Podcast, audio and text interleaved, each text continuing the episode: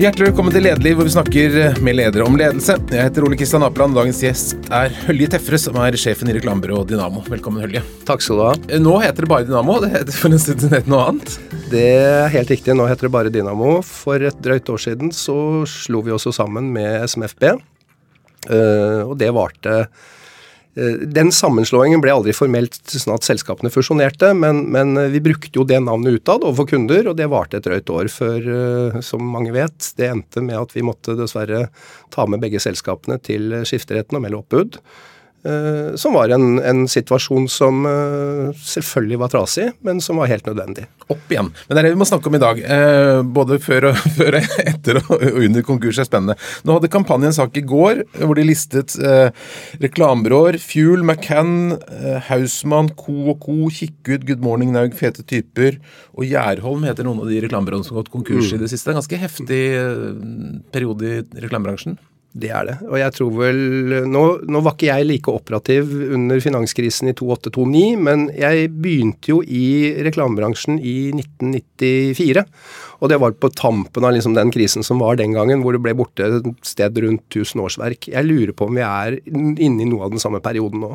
Og det er klart at uh, den listen som du leste opp nå, er jo den jo, består jo av en del kjente, store, tidligere store virksomheter. Uh, og jeg tror årsaken til at vi er der, er fordi at uh, det som har skjedd uh, de siste 10-15 årene i bransjen vår, det begynner å materialisere seg nå ved at en del selskaper som ikke har enten vært veldig spisse og tydelige, eller veldig store og har det som kalles litt sånn stordriftsfordeler, de har fått merke på liksom det markedet som er nå, hvor etterspørselen tar litt lengre tid, kundene er litt mer avventende.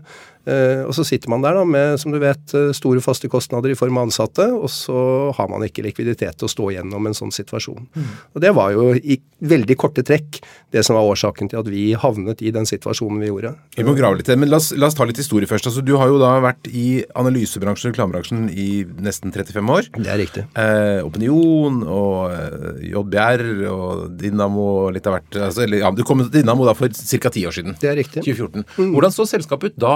For det, dette var jo et selskap som kanskje i hvert fall på begynnelsen av 2000-tallet var Norges mest kjente og profilerte reklameselskap? Ja, altså før Try startet dominansen sin jeg, jeg, jeg, tror Dynamo var det siste selskapet som vant Årets byrå, eller ja. byråprofilen, i 2001. Før, Try. Før Try overtok, og nå har jeg 20 på rad de har. Men det var jo magisk. altså Det var jo Ingrid Stine Jensen, det var seminar med Clinton, det var hovedkontor på Lagåsen osv. Hvordan, hvordan så det ut da du kom inn for ti år siden? Eh, da så det ganske rufsete ut. Uh, og det jeg skal ikke bruke det som unnskyldning, men det er klart at utgangspunktet for å lykkes var svakere enn en det kunne ha vært. da. Kom du inn eh, som ryddegutt? Ja, jeg gjorde det. Mm. Definitivt. Eh, selskapet hadde betydelig gjeld, og, og, og, det var på en måte gjeld som ikke skal være i den type selskaper som mm. vi snakker om her. Så festen var litt over, og du kom for å ta regninga? Festen var litt over. Ja, om vi ikke skulle ta regninga, så skulle jeg i hvert fall prøve å se om vi kunne tilbakebetale den, og mm. det klarte vi delvis, men ikke helt. Mm.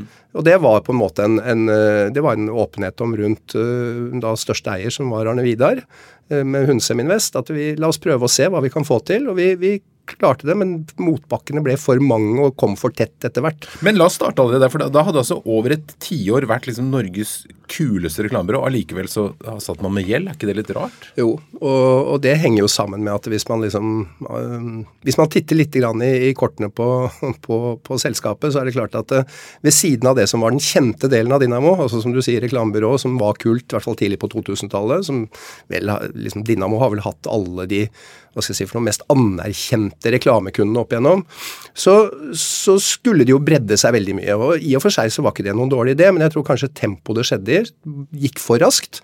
Eh, man trodde at eh, det var enklere å etablere seg på områder enn det viste seg å være. Det holder ikke bare å ha én eller to flinke mennesker. Et klassisk eksempel var de skulle inn på D-markedet, eller det som kalles CRM. Og da hentet de inn én ekspert i det, og så trodde de kunne bruke resten av systemet. Så glemte de det at det moderne CRM handler om teknologi, det handler om systemer. Det handler ikke bare om kreativitet eller den type kompetanse de satt på. Så det ble for mange sånne type hva skal jeg si, for satsinger som kostet for mye. Og da, da er det en grense for Du skal ha, du skal ha dype lommer. Eh, og lang tidshorisont hvis du skal få det der til å funke. Og, og, det er klart at når man da også skulle ut og lage filmer, Eh, som kostet eh, 30-40-50 millioner kroner. Og dette var jo ikke bare papirpenger, dette var faktisk cash som ble brukt på å sende filmteam bort og lage Wonderful World, eller hva det heter for noe. Så, så er det klart at det var noe som gjorde at selskapet ble, fikk mye gjeld, da. Så det var en, en tro på at man kunne gjøre mye mer enn man egentlig klarte? Det, det, jeg skal vokte meg litt for å si det. Mm. Fordi jeg, har, jeg, må si at det, fascinasjonen for Dynamo, det de faktisk fikk til, var og er stor. Eh, men jeg tror på mange måter at man gapte over litt for mye, litt for fort. Eh, og så hadde man ikke alle systemene på plass for å få det der til å funke. Uh, og så Noen som kaller det hybris, og noen som vil kalle det mm. stormannsgalskap. Jeg skal ikke strekke det så, eller jeg vil ikke strekke det så langt. Men, men, jeg tror at uh, skulle man gjort det om igjen, så burde man nok brukt noe mer tid uh, på den der turen der. altså Som et eksempel, da, siden det er Try som på en måte tok over i 2001, ja. så, kan man, så, kan man, se at Dynamo og Try startet jo omtrent samtidig. Try i 98 høsten og Dynamo i 97. Og mens Dinamo brukte to år på å være oppe på det nivået Try brukte 15 år på, eh, så har Try bygget mer stein på stein og vært flinkere til å gjøre den utviklingsreisen enn enn hva Dinamo Og de har jo gjort nettopp dette, gå ut med i bredden ja, ja, mange ting, men lykkes ja, mye bedre på det. Ja, ja, og det er ikke noen umulighet til å gjøre det. Mm. definitivt. Så, så det at man kan ha en sånn ambisjon om å gjøre det som Dinamo og de tidligere eierne og driverne gjorde, det syns jeg absolutt man skal ha. Mm. Så hvordan angrep du dette som leder når du kom inn for ti år siden? Da? Nei, det var da, ikke sant, da, da var det å snakke med banker, og snakke med kreditorer, og snakke med gårdeier. ikke sant, Det var å få på plass uh, hvordan skal vi få kuttet husleien, som var jo dimensjonert for en For da satt du på et slott ute på Lysaker? Da satt vi på et gods på, på Lagåsen. Superfint å ha sommerfeste på. Ganske ubrukelig å jobbe fra. I mm. hvert fall på den tiden. Mm. Uh, men med en lang kontrakt naturligvis. Og, og det var jo, det var jo en, et sammensurium. Så, så, men vi kom oss jo da ut av det på en god måte, og heldigvis så, så fikk vel eierne der fikk vel gjort om sånn at nå er det boliger. Mm. Uh, og så var det å snakke med bankene om hvordan vi kunne finne ut hvordan uh, gjeld kunne tilbakebetales. Og så var, kom vi jo ikke utenom det faktum at vi måtte gjøre en dramatisk nedskalering. Uh, og da tok vi jo ned virksomheten fra ja, 135 til ca. 60-65 mm. i løpet av to-tre-fire måneder. Og det er klart at det setter sitt preg på en, en ethvert type selskap. Uh, hvordan gjorde du det? Kuttet du virksomhetsområder, eller tok ja, du Juster helst, eller hvordan? Nei, en kombinasjon. Vi, vi, vi, gikk gjennom, og så så vi på Vi hadde et par områder som vi bare var helt sikre på at det skal vi i hvert fall ikke drive med. Jeg nevnte i sted CRM. Mm. Og det var ikke fordi at vedkommende eller de to personene som jobbet der var dårlige, snarere tvert imot. De var glimrende. Men skulle vi lykkes med det, så ville det kostet så mye at det hadde vi ikke råd til. Mm. Og da er vi inne på kanskje noen av utfordringene knyttet til det å prøve å bygge videre når man allerede har en litt for tung ryggsekk. Man blir tvunget i litt for stor grad til å velge nest beste løsninger hele veien. Du har ikke råd til å velge de gode løsningene. Så man, velger, man blir da tvunget til å gjøre ting som man kanskje ikke ville gjort under mer optimale forhold. Men det var en kombinasjon av å ta ned kapasitet på områder som vi skulle være på, og rett og slett tre ut av noen fagområder som vi bestemte at det har vi ikke ressurser til å være, være tilgjengelig på. og Klarte du da å komme liksom inn i en trygg og behagelig fase? Nei, Det blir feil å si at vi var i en trygg og behagelig fase, men vi var i hvert fall i det som jeg opplevde som en periode, en kontrollerbar fase. Eh, og da var, selv om ikke vi vokste veldig mye, så hadde vi vekst på noen av områdene våre. Eh, som var på en måte til inspirasjon og til eh, det vi kaller litt sånn motivasjon. Men vi opplevde jo på en måte at liksom totale byråinntekten lå dippet pluss-minus null. Altså Hvis du mm. ser på, på, på, omsetningen til Dynamo i perioden 2014 til 2020 21-22, så var det en sånn pluss-minus byråinntekt ca. 50-60 mill. Ja. Omsetningen varierte litt, men som du vet i denne bransjen mm. den er ikke så interessant. Mm. Det så det lå helt stabilt? Det lå helt stabilt, og så hadde vi vekst på noen områder. Det var noe resultat? Var det noe overskudd? Eh, pluss-minus null. Ja. Eh, men vi hadde noen år hvor vi tjente litt penger. Eh, og vi var, jeg, jeg, opplever at vi var ganske godt i gang. Når vi, når vi begynte på 2018, så hadde vi en god plan. Mm. Eh, da leverte vi et eh, svakt, eller et lite negativt. 2019 tjente vi penger, 2020 tjente vi penger og vi var egentlig godt i gang. Og så ble vi vel truffet litt av Jeg skal ikke si at vi jeg, På en måte så pleier jeg å si at liksom, eh, pandemitiden så verre ut enn den ble. Eh, men så fikk man noe av den effekten man trodde man skulle få tidlig, den fikk man litt i ettertid. Mm. Eh, og da hadde ikke vi på en måte ressursene til å, å klare å stå det gjennom.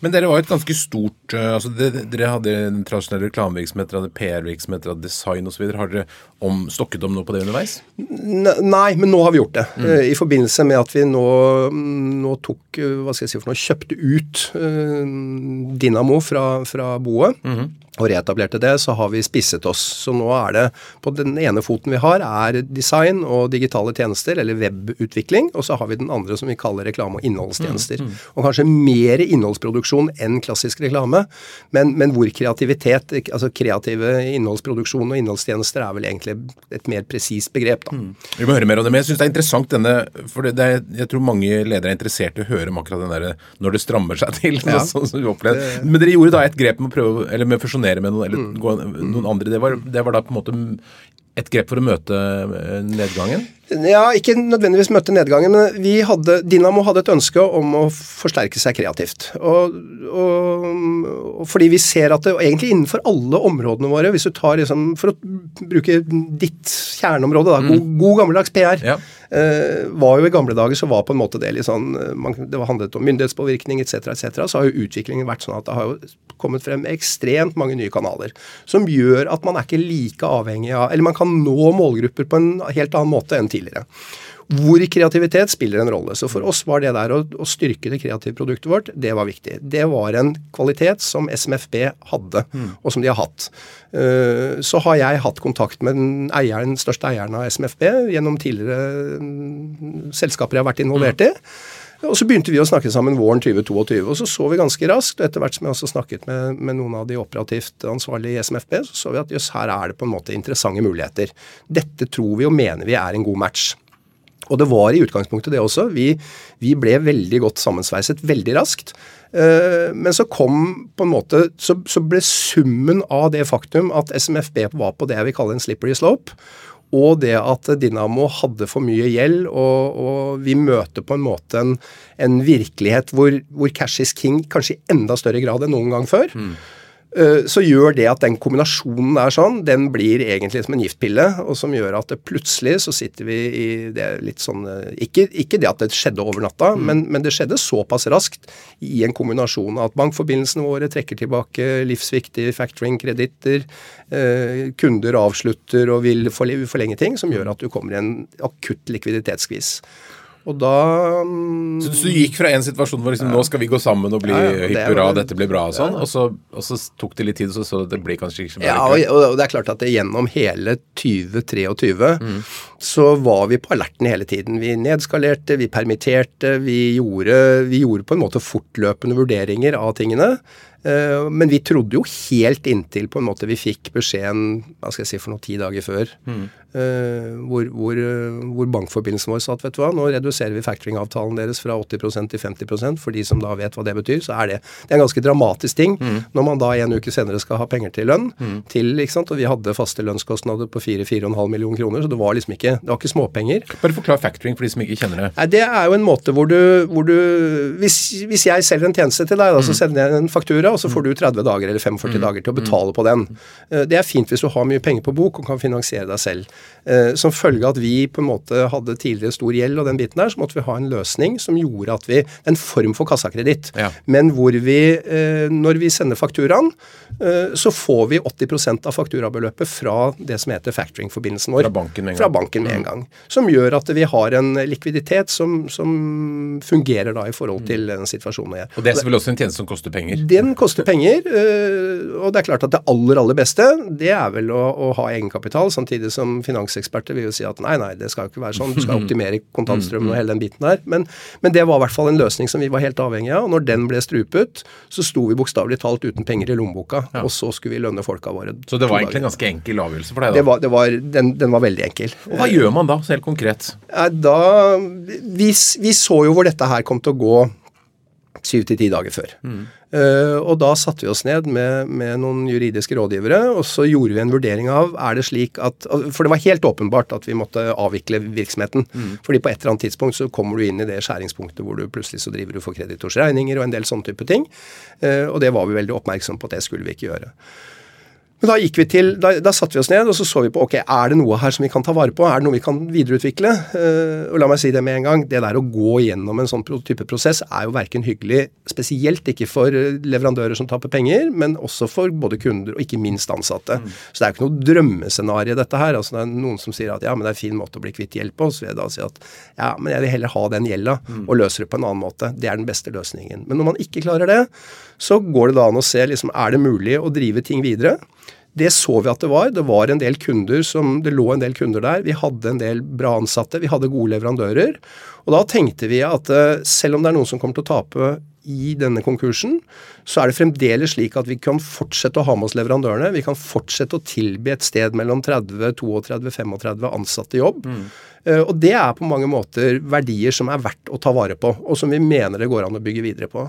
Og Da fikk vi hjelp til å sette opp dette, slik at når vi da meldte inn uh, opphør mm. til selskapene, så satte vi oss ganske raskt ned med bobestyrer og, og, kom frem til en enighet om hva det var vi kjøpte tilbake. Og, så dere hadde egentlig en plan om at dere skulle kjøpe Bo tilbake? Vi hadde en plan mm. om det som ble utviklet de siste dagene. Mm. Uh, men, men, det er aldri noen sånn garanti for at det går gjennom. Uh, det kan komme folk fra sidelinjen. Uh, det er ikke sikkert det er riktig tenkt. Mm. enn så lenge så ser det ut som det var fornuftig å gjøre. Men det er klart at som alle som er i den bransjen vi er i om dagen, vet, så, så er det jo ikke sånn Det er ikke noe gøy altså, det er ikke noe quick fix på Nei. denne utfordringen vi står i. Og så sier du vi kjøpte. Hvem er, hvem er vi i dette Nei, det er, Da var det den ene av de to store eierne. Eh, mm. Dinamo var jo eller, jo, Dynamo var jo på det tidspunktet eid av tre eller fire hovedgrupperinger. Mm. Det var noe som heter Invex Group, som er Gudleif Bjørklund, mm. som eide store deler av SMFB i fjor. Det var um, Hunsem Invest, som er Arne Vidar. Så var det en ansattegruppering, og så var det noen tidligere ansatte. Og Da var det Invex Group som gikk inn og, eh, og, på en måte garanterte for at eh, man kunne kjøpe dette tilbake. Er det da med sånn håp om å få tilbake noe av det man har tapt? Ja, det er det. Mm. Målet, målet, til Invex Group er jo naturligvis at dette skal bli noe de kan tjene penger på. Mm. Men hva med de andre? Hadde ikke de lyst til å være med, eller fikk de ikke tilbud? Jo da, det, alle, alle, fikk tilbud om å være med. Det er, er, ikke det det går på. Men det, det, er klart at i en sånn situasjon så har man ikke tid til å prøve å snakke med andre. Men vi snakket da med de viktigste, kall det mm. aksjonærene, mm. om hva som måtte gjøres. Og da var, det, da var det Invec som på en måte stilte seg bak og sa ok, vi, vi backer denne løsningen. Mm. Har du gjort dette før? Har du, har du erfaring med, med, konkurs? Jeg har ikke kjempeerfaring med konkurs, men, men, det er klart at eh, jeg har jo vært involvert i ganske mange selskaper helt siden Altså, jeg begynte mm, Da jeg etablerte sammen med tre andre eh, Norstat i 1996-97 så ble det jo raskt sånn at vi gikk og så lagde vi MRG, og så ble det mange forskjellige typer selskaper. Og i den situasjonen så husker jeg bl.a. når vi var en del av noe som heter Acom i Sverige. Vi solgte MRG, som var et børsnotert norsk kall det kommunikasjon, eh, analyse, research-system, solgte vi til Acom. Og i den strukturen der så var det en del selskaper som, eh, som sleit. Mm. Eh, så sånn sett så har jeg vært inne i selskaper som tidligere har hatt noen av de samme utfordringene. så i den grad man kan si at man har erfaring med det, eh, så har jeg noe mer erfaring enn det mm. gjennomsnittlig. Så du visste hva du gikk til? Eh, ja, delvis mm. så gjorde jeg det. Men det er, igjen, dette her er ikke noe sånn eh, dette, dette, er ikke mekanikk. Dette er veldig sånn individuelt fra selskap til selskap.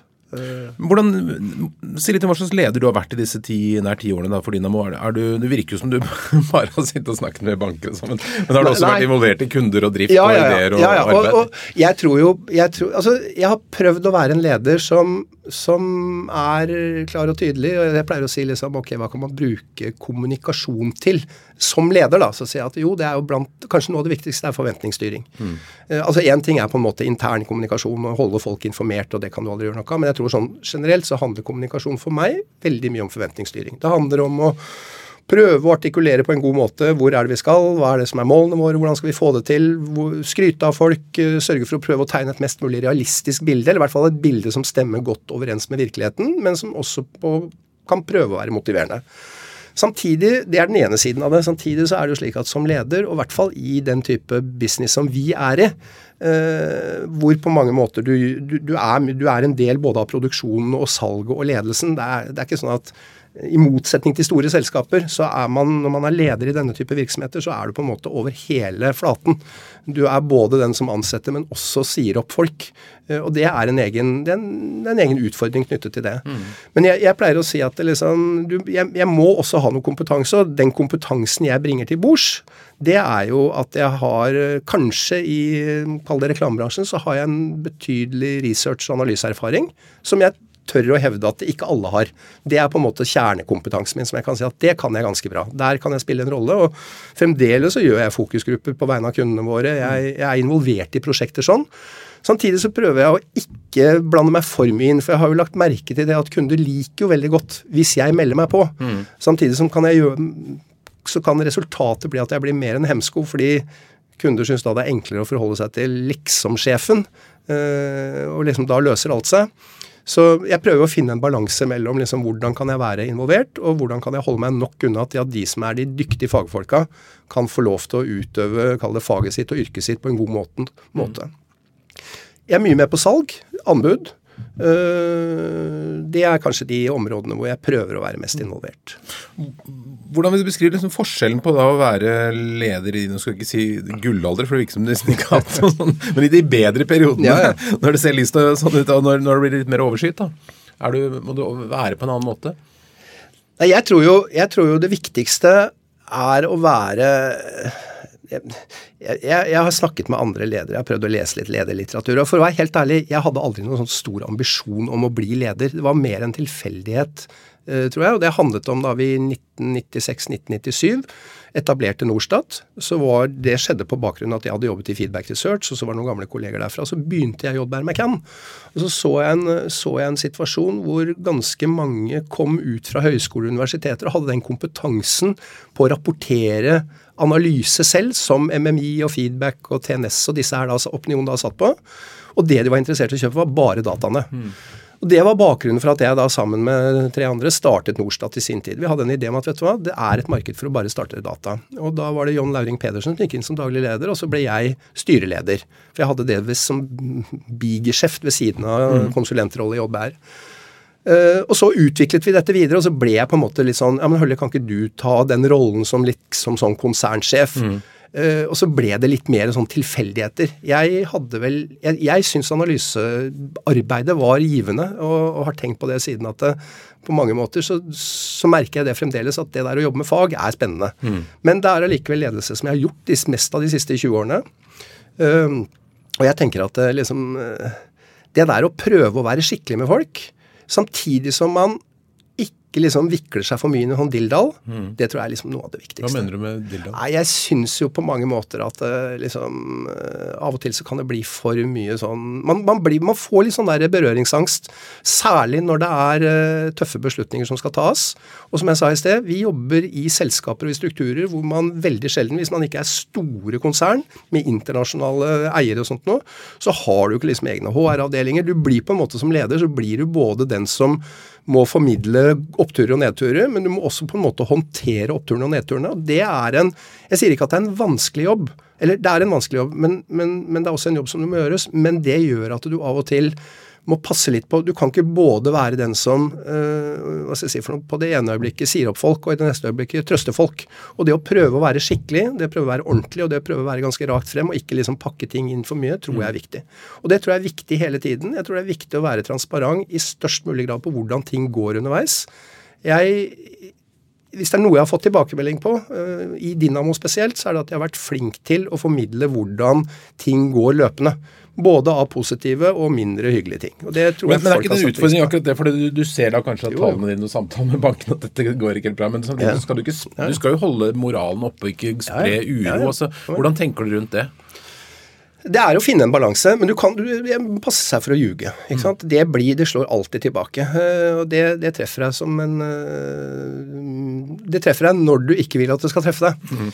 Men jeg tror liksom det der å generelt formidle et bilde av at vet du hva, vi tjener ikke masse penger, eller vi taper faktisk en del penger nå, men det er en del ting som går i riktig retning. Det kan være en, en Eller det har jeg opplevd at er en eh, Hva skal jeg si for noe måte å holde en dialog med både kunder, ansatte og leverandører på, som gjør at folk føler seg informert. Mm. Og jeg tror på mange måter at den viktigste jobben du som leder har, er jo å sørge for at folk er mest mulig motivert, mest mulig inspirert.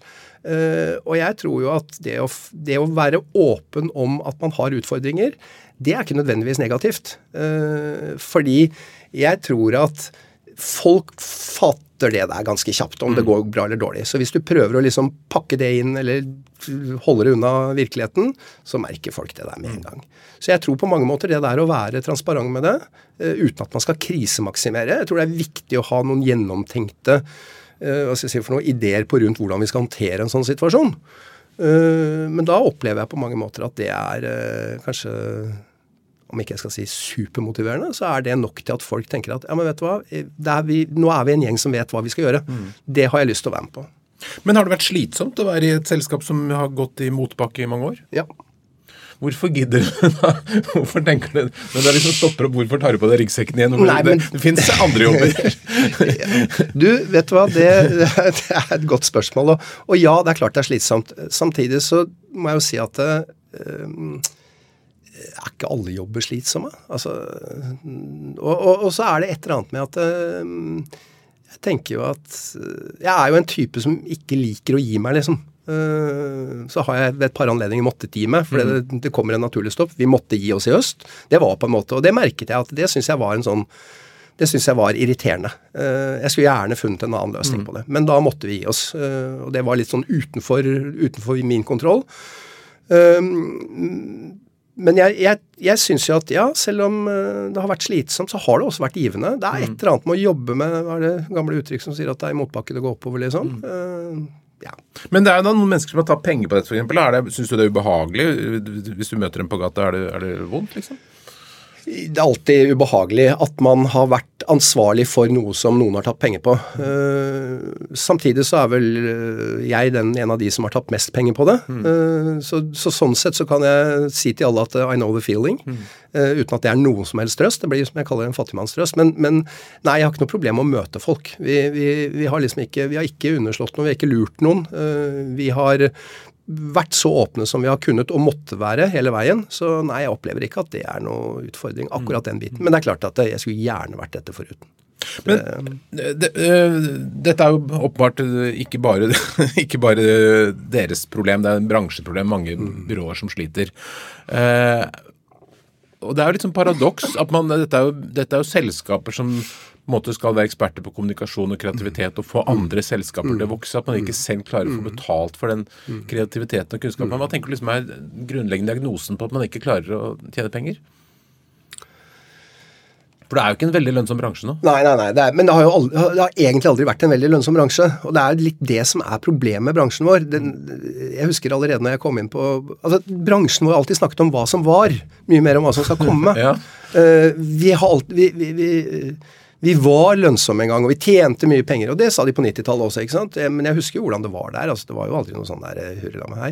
Så er det klart du har hatt noen typer selskaper og noen spesialistmiljøer som har supermarginer, men det er veldig få selskaper, store systemer, som tjener godt. Og det ser du jo, ikke sant, hvis du ser de store selskapene, altså VPP og Publicis og den biten der, store børsnoterte systemer, og selv om ikke vi Altså jeg følger jo litt med på det for å det er en veldig sånn fin indikator på hvordan bransjen utvikler seg. Det er å se på de store børslokomotivene globalt.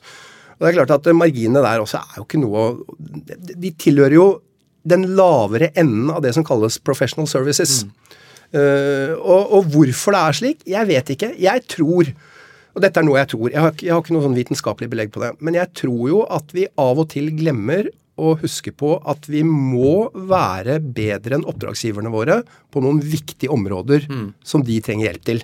Jeg tror litt for ofte så tenker vi at produktet vårt det er å lage noe som de Det er å lage noe som I gamle dager var det en annonse, nå er det en video, eller mm. om det er en podkast, eller hva det er for noe. Det er på en måte mer en sånn produksjonsgreie. Vi må huske på at vi skal, hvis vi skal være gode rådgivere, så må vi kunne noe som kundene våre ikke kan. Det er helt avgjørende. Og jeg er litt usikker på om vi kan nok ting som kundene våre ikke kan. eller om vi er i den situasjonen hvor faktisk eh, kundene våre er veldig kompetente, noe jeg opplever at de er, mm. uh, og som jeg av og til tenker at ops, nå må vi liksom, nå må vi opp i ringene her, og nå må vi, nå må vi bli bedre. Men hvis vi skal være relevante. Det er Noe med kommunikasjon og merkevarebygging. At byråene har kanskje ikke i stor nok grad klart å bygge verdi, altså oppfatningen av verdi som gjør at man kan ta ordentlig betalt. Ja. Det er du helt rett i. Så tar, man tar kanskje ikke tatt sin egen medisin Nei, i stor nok grad? Nei, jeg tror det er noe å gå på der. Mm. Definitivt. Hvordan ser du for deg at det kommer til å utvikle seg fremover? Nå har du nettopp starta byrå på nytt. Nei, jeg, jeg, tror, jeg, tror, jo at Og du kan si liksom i motsetning til tidligere Dynamo, som var Dynamo likte å kalle seg kommunikasjonshus og skulle egentlig levere tjenester fra A til, til Å. Og, og, som jeg sa helt innledningsvis, det, det, krever en viss sånn kritisk masse for at du skal liksom være konkurransedyktig og, og, ha nok å gjøre. Så har vi nå på mange måter sagt at vet du hva, vi, det er to hovedområder vi skal prøve å være gode på. og Det er de to hovedområdene hvor vi mener at der sitter vi på noe som ikke alle andre sitter på når det gjelder kompetanse, erfaring, caser, metodikk rundt det. Uh, og jeg tror jo kanskje det er det viktigste i de tidene vi er inne i nå. Det er å finne områder hvor man sitter på noe som ikke alle andre sitter på. Du, du, må, altså du, må, være, du må, være, best på noe. Jeg, jeg, jeg, skal være forsiktig med å dra for mye paralleller til idretten. Ja. Men, men, jeg, jo, jeg drev aktivt med idrett da jeg var ung, og, og jeg syns idretten har noe som er spennende ved seg.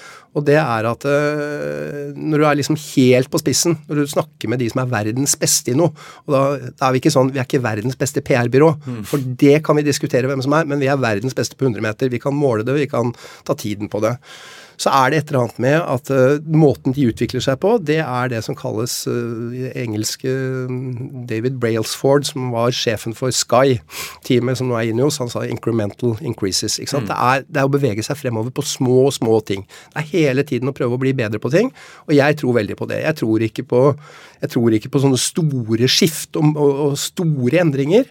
Uh, jeg tror på det å hele tiden prøve å optimere. Mm. For det er på tross av at vi lever i en tid hvor det skjer store endringer, så er det også slik at eh, ting tar fremdeles tid. Eh, det er veldig sjelden at det skjer dramatiske ting over natten som viper ut det som har vært. Og Derfor tror jeg på mange måter at det der, vi, hvis vi skal prøve nå, for vår del, da, Dynamo, men også hvis man skulle drevet med noe annet og, og, bli god på noe, så handler det om å prøve å si ok, hva er det som skal til for å bli best i klassen på disse områdene. Mm. Være god på det, og så prøve å levere på det fremover. Så må det henge sammen med hva er det som er viktig for valg for de kundegruppene som vi skal henvende oss til. Men um, kan det også være noe med lønnsnivået i bransjen? For det er åpenbart at hvis man ikke klarer å selge timene. Det er, ja, nok, så er det kanskje for godt eh, for, for, kanskje for, for mye lønn? Absolutt. Absolutt. Og det er jo, ikke sant, hvis man gjør en Jeg har jo tracket dette her uh, i ganske mange år. Uh, alle konkurrentene våre. Dere også, for øvrig. men, men fra spøk til alvor. Det som er interessant å se i bransjen vår, er at generelt så er jo ikke lønnsnivået veldig høyt innenfor det jeg kaller da professional services. Altså Hvis du sammenligner oss med, med kall det rådgivende ingeniører, advokater, jurister, ja, hele den, eller mm. arkitekter og den biten ja. der, så er vi ikke veldig store. Og så er det Sånn at vi ser jo det at Vi skulle gjerne vært som advokatene. Det hadde vært fint. Er du gæren? ja. Men de kan noe som kundene ikke kan. ikke sant? Mm. Da er vi tilbake til altså Når du skal gjøre en stor transaksjon, eller Vi blir jo mer og mer amerikaniserte når det gjelder bruk av loven for å tvinge frem løsninger. Og så ønsker jeg jo definitivt ikke dit, men, men det er klart at det, uh, det jeg ser, er jo at de selskapene som tjener godt med penger, sånn i snitt, de har jo 10-15% lavere gjennomsnittslønninger enn de som ikke tjener penger. Men allikevel så er det ingen av selskapene som har det jeg vil kalle uforskammet høye faste lønninger.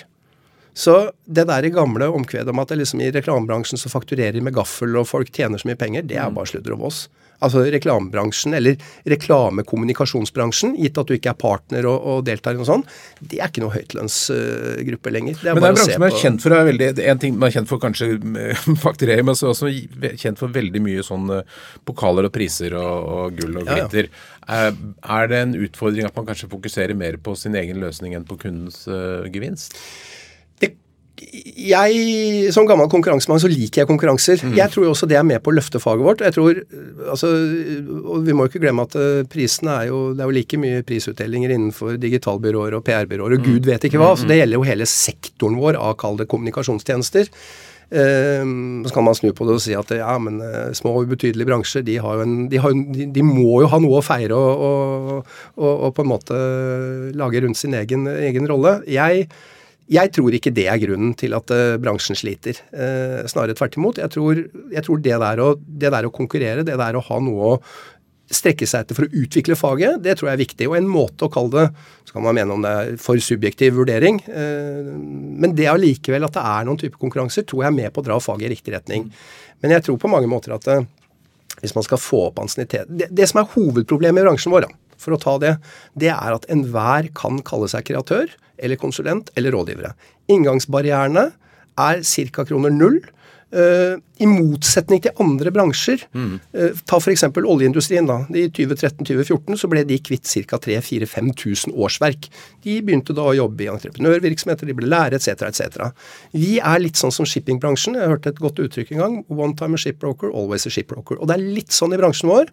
og Det betyr at når du får washout, så blir du ikke kvitt uh, hva skal jeg si for noe kapasitet. Og det betyr nei, litt, sånn, litt sånn makroøkonomisk sagt, da, så er vi Det er for mange kreatører, designere, rådgivere innenfor kreative bransjer om dagen. Det er ikke noe skal du være arkitekt, så er det en beskyttet tittel. Skal du mm. være jurist, så er det en beskyttet tittel. Og selv om det er mange jurister, så er det allikevel en begrensning på hvor mange som blir uteksaminert hvert år. Det er det ikke innenfor vårt yrke. Og det er klart at den reguleringen, i kombinasjon med at det ikke er noen sånne det som man kaller liksom eh, barriers of entry, mm. gjør at det er veldig lett å etablere seg og lett å bli igjen i denne bransjen. Og det er klart at det er med på å gjøre at det liksom Konkurransen blir ekstremt stor.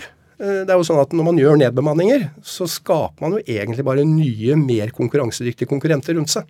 For plutselig så kan de gå på halv lønn, og de er ikke like interessante i pensjonspoeng og varme lunsjer og hele den biten der.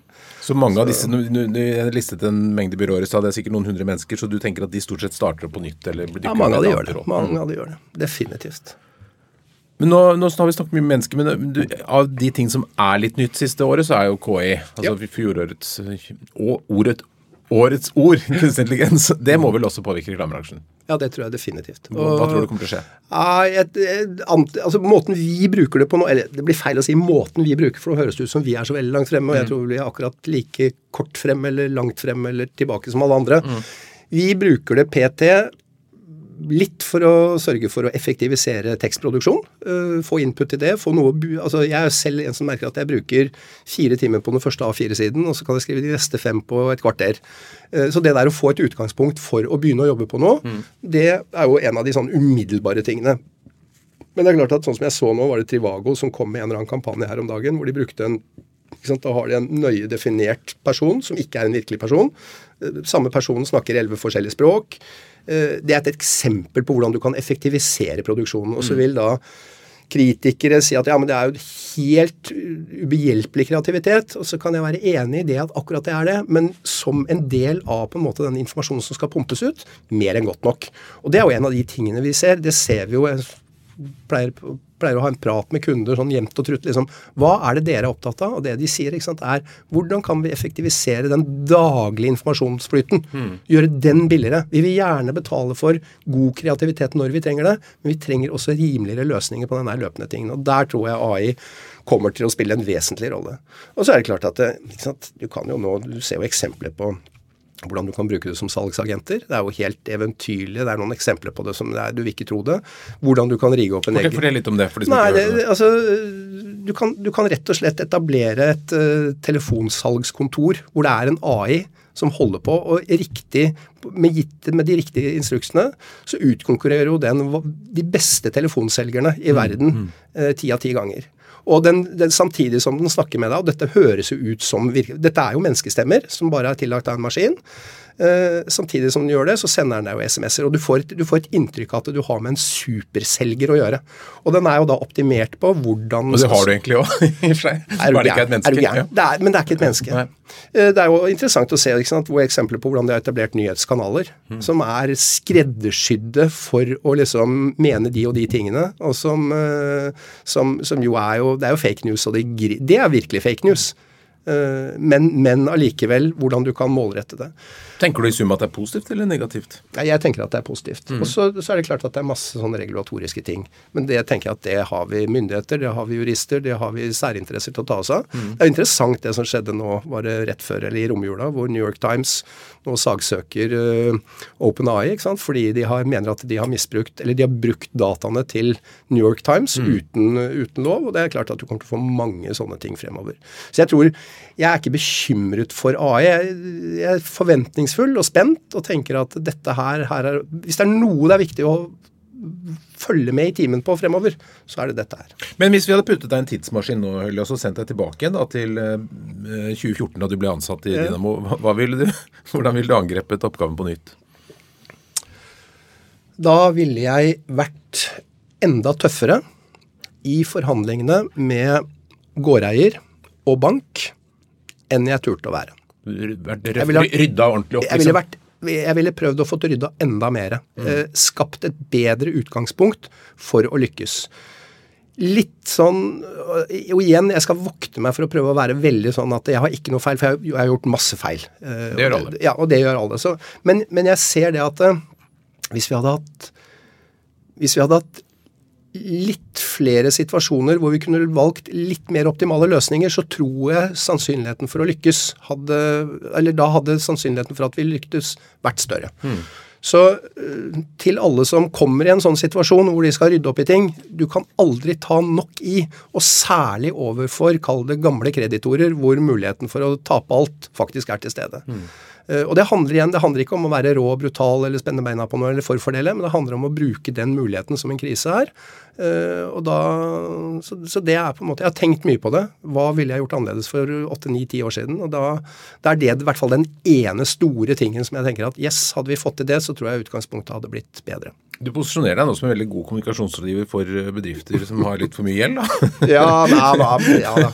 Men det Eh, generelt, hvordan, hvordan, føler du at du har utviklet deg som leder siden du startet? Hva er det du kan i dag som du ikke skulle ønske du hadde visst før? Eh, jeg er vel mindre skråsikker nå. Det er, det er, et eller annet med at når man har holdt på med dette her noen år og, og gått på både noen smeller og i og for seg sett noen oppturer, så, så blir man, blir man uh, noe mer ydmyk og, og litt mindre skråsikker. Samtidig som på mange måter så opplever jeg at selvtilliten av det også blir større. For det er et eller annet, det er et eller annet med som vi snakket om i sted, det der med å være ærlig med folk, være ordentlig med folk. Det er, et, eh, det er en sånn viktig grunnsten for meg. Mm. Selv, spesielt kanskje i tøffe tider. Eh, for jeg tror, som jeg sa i sted, jeg er ikke så bekymret for å snakke om vanskelige ting med ansatte eller kunder eller leverandører. Uh, så lenge man har, har, gjort det hele tiden. Det som er utfordringen, er hvis det kommer som lyn fra klar himmel. Mm. Da, hvis man har liksom forledet folk underveis, da blir på en måte og det, det er tilbake til ikke sant, Kommunikasjon kan brukes Det er forventningsstyring. Mm. Så så må bruke det strategisk og på en klok og forstandig måte. Helt til slutt, eh, Hølje. Mm, hvis du skal gi tre gode lederråd til en person som skal bli leder, hva vil de tre rådene være? Eh, jeg ville jo stilt meg selv spørsmål om hvorfor i all verden skal jeg bli leder. ja, det eh, for å være helt ærlig. For å være, nei, rå, ja, nei, ja, ja, men jeg, jeg, jeg, jeg, tror for å være helt ærlig at det er et viktig spørsmål å stille seg. Mm. Fordi man går glipp av ganske mye som er interessant øh, ved ikke å være leder. Altså Det der å være en dyktig fagperson er jo Som jeg sa, jeg startet med analyse fordi jeg syntes det var spennende og interessant. Og det var derfor vi startet Norstat. Jeg har stor glede av det fremdeles. Så jeg, jeg, jeg mener virkelig det, selv om det Det der å stille seg selv spørsmålet liksom Ok, hvorfor har jeg lyst til å bli leder? Hva er det jeg ønsker å oppnå? Hvorfor er det fordi at alle andre mener at jeg bør være det, og det kan gi meg noen fordeler? Eller fordi du ønsker på, eller fordi du mener at du faktisk har noe å bidra med. Nummer to, det er du må, du, må, du må, villig til å bruke mye tid. Det der å være leder, og særlig tror jeg Jeg skal vokte meg vel, for jeg har ikke jobbet i store, komplekse organisasjoner. Jeg har jobbet i type SMB-bedrifter, professional services-varianter. Men jeg tror det der, Du må øh, og, der er det der å være tilgjengelig, øh, om ikke 24-7, men det der å være til stede for folk, det er viktig. Og nummer tre, du må passe på at du også øh, faktisk har noe kompetanse på de områdene du skal lede. Jeg tror det er vanskelig å være generelt god leder. I hvert fall i den type virksomheter som vi snakker om. Mm. Du må kunne diskutere med de flinkeste folka dine. Du må skjønne når de flinkeste av dine ansatte har rett, og når du har feil. For hvis ikke så risikerer du på en måte å ødelegge mer enn du er med og bygger opp. Mm.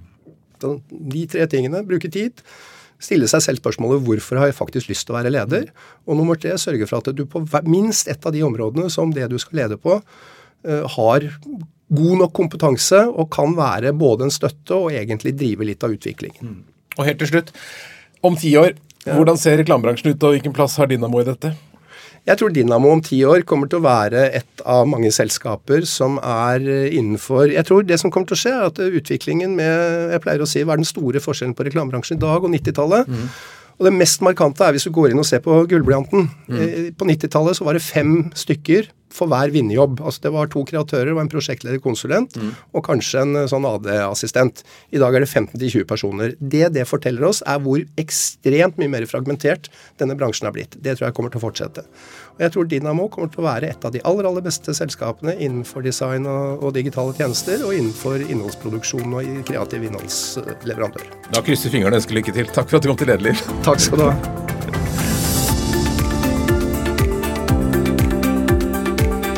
Lederliv er en podkast fra Apeland. Redaksjonen består av Ingrid Hogneland, Johanna Eidsvoll, Lars Jarle Melum og meg som heter Ole Kristian Apeland.